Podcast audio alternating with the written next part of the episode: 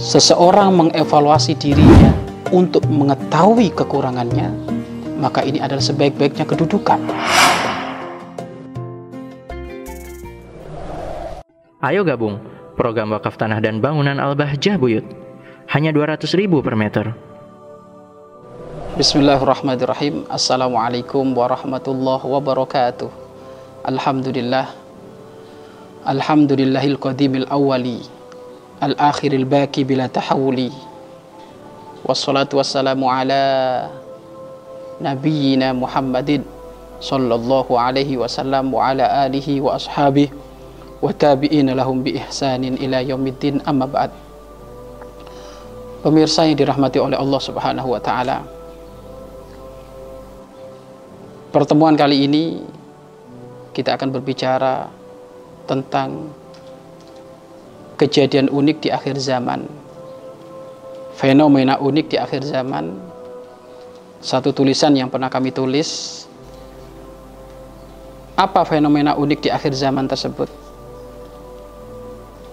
Fenomena unik di akhir zaman ialah koneksi internetnya terputus, bingung menoleh kanan kiri. Akan tetapi koneksi hubungannya kepada Allah Subhanahu wa taala terputus.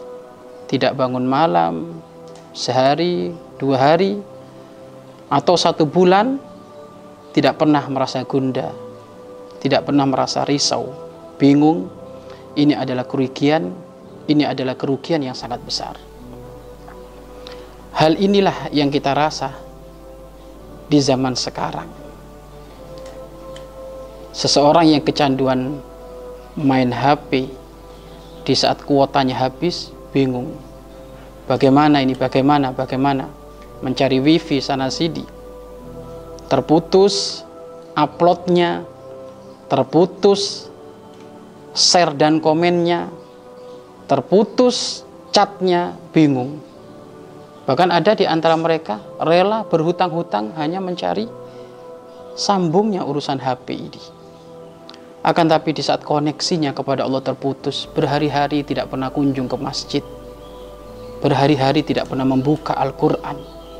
Berhari-hari lidahnya tidak pernah berzikir kepada Allah. Berhari-hari lidahnya tidak pernah mengucapkan sholat, sholawat kepada baginda, baginda Nabi Muhammad, itu semuanya tidak menjadikan risau, itu semuanya tidak menjadikan gundah. Maka kalau modelnya seperti ini, khawatir kita ini berada dalam musibah yang sangat besar. Kenapa dikatakan musibah yang sangat besar? Iya, karena kehidupan sehari-harimu akan mencerminkan akhir hayatmu nanti. Jika koneksi urusan internet ini terputus, kita sedih. Tidak bisa main HP, tidak bisa main laptop, tidak bisa main game, kita sedih.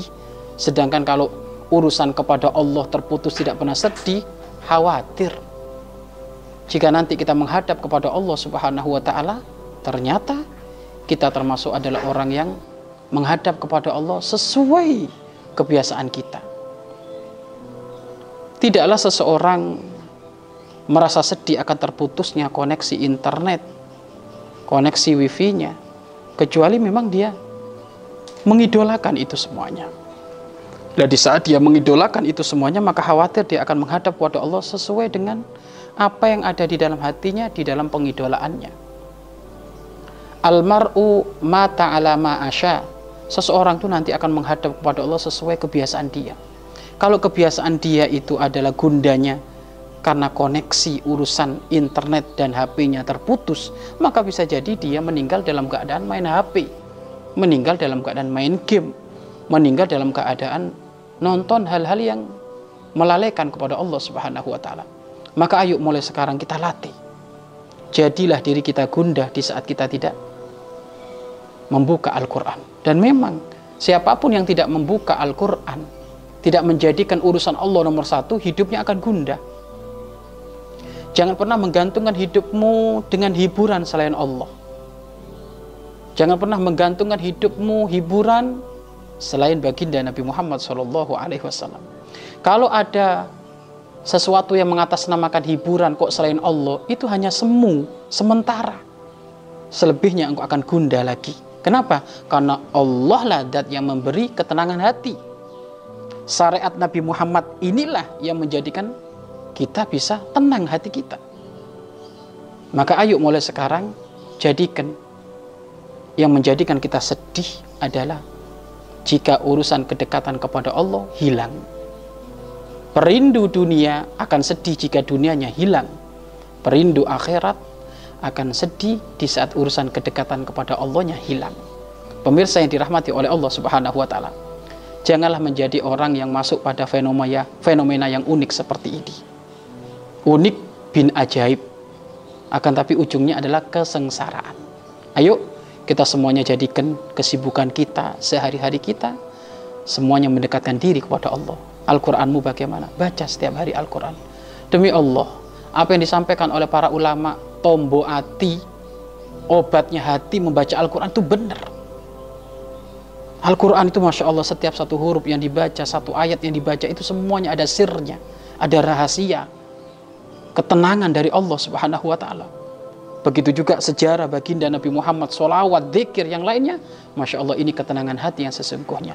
Maka orang kalau sudah dekat kepada Allah, setiap hari adalah urusan koneksinya kepada Allah yang dibenerin.